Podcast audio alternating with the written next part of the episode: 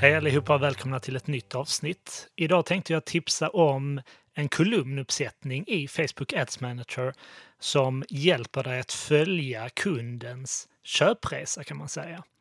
Så att i Ads Manager så kan du lägga upp en mängd olika kolumner när du tittar på din statistik.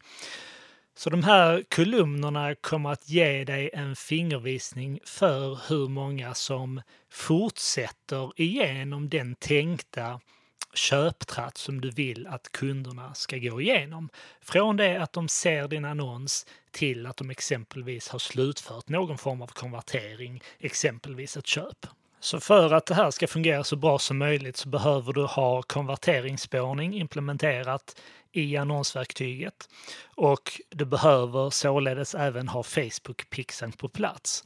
Så att har du ännu inte detta, jag ser det som en hygienfaktor, installera Facebook-pixeln och säkerställ att du skickar de konverteringarna som du vill mäta till annonsverktyget. Så att du exempelvis inte bara skickar dem till Google Analytics utan du vill kunna se antalet konverteringar även direkt i annonsverktyget. Det man bör tänka på det är ju såklart allt som har med iOS-förändringarna som trädde i kraft i somras att göra. Alltså att tänka på att den datan som rapporteras av pixeln, den är inte komplett just på grund av att många väljer att inte bli spårade. Men vi kan fortfarande använda de här parametrarna för att bilda oss en uppfattning om hur kvaliteten är i de olika målgrupperna som vi vill rikta oss till i annonsverktyget. Så att i Facebooks annonsverktyg så har du en möjlighet att ändra vilka kolumner med statistik som du visar. Och den här funktionen hittar du ju nästan längst upp till höger i annonsverktyget. Det står kolumner. Om du klickar där och går längst ner så kan du välja anpassa kolumner där. Och här finns då ett antal kolumner som är intressanta ur den här aspekten. Och här kan du ju välja att skapa en ny kolumnuppsättning som bara innehåller de här, eh, de här nyckeltalen som jag kommer att prata om. Eller så lägger du helt enkelt till de här nyckeltalen till din standarduppsättning som du använder. Så det första som är intressant för oss att titta på det är antalet utgående klick. Alltså hur många klick leder från din annons till din webbplats.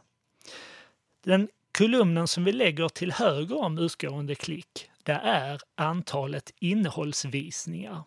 Alltså hur många visningar av innehåll sker på din webbplats av de klicken som leder till din webbplats. Och här vill vi ju såklart ha ett högt antal innehållsvisningar i förhållande till antalet utgående klick. Så om du tar upp de här två kolumnerna och du ser att du har låt säga 100 utgående klick och de 100 utgående klicken har genererat 2000 innehållsvisningar. Då är det ett tecken på att du troligtvis har hittat en målgrupp som är väldigt engagerad. Skulle det vara tvärtom så är det troligtvis något eh, fel, alltså att eh, det är något med målgruppen som inte stämmer. Det är fel målgrupp. De eh, klickar inte runt, de visar inget engagemang på din webbplats. Men tänk även på att har du en väldigt hög andel iOS-användare så kan det vara så att de helt enkelt har valt bort spårning. Men som utgångspunkt så vill vi ha ett högt antal innehållsvisningar i förhållande till antalet utgående klick. Den tredje kolumnen jag lägger till heter tillägg i kundvagn, förutsatt nu att vi pratar om en e-handel. Då kan jag se hur många av de här klicken som leder till att någon lägger till något i kundvagnen. Och sedan den fjärde kolumnen som jag lägger till det är naturligtvis antalet köp. Hur många köp leder de här klicken till? Och då får du lite mer statistik att kunna gå på än att exempelvis bara titta på antalet köp. Och du kan kanske om du ser att det finns målgrupper eller annonser som inte genererar köp så kan du titta ett steg tidigare i processen och se om de genererar några tillägg i kundvagn. Gör de heller inte det, då kanske det ger dig tillräckligt med kött på benen för att kunna exempelvis pausa ett adset som inte presterar. Och i den här tratten kan du naturligtvis implementera anpassade händelser eller anpassade konverteringar i annonsverktyget. Du kan exempelvis eh, implementera hur många som spenderar en viss typ av tid på webbplatsen, hur många som scrollar en viss bit på webbplatsen och lägga in detta exempelvis i steget innan tillägg i kundvagn för att få en ännu bättre förståelse för vilka målgrupper som, eh, som driver en engagerad publik. Så du kanske har i den första kolumnen utgående klick, sen har du innehållsvisningar, Därefter lägger du in exempelvis hur många som gör någon typ av interaktion som är viktig för just din verksamhet. För en e-handlare kan detta vara exempelvis att någon lägger något i önskelistan.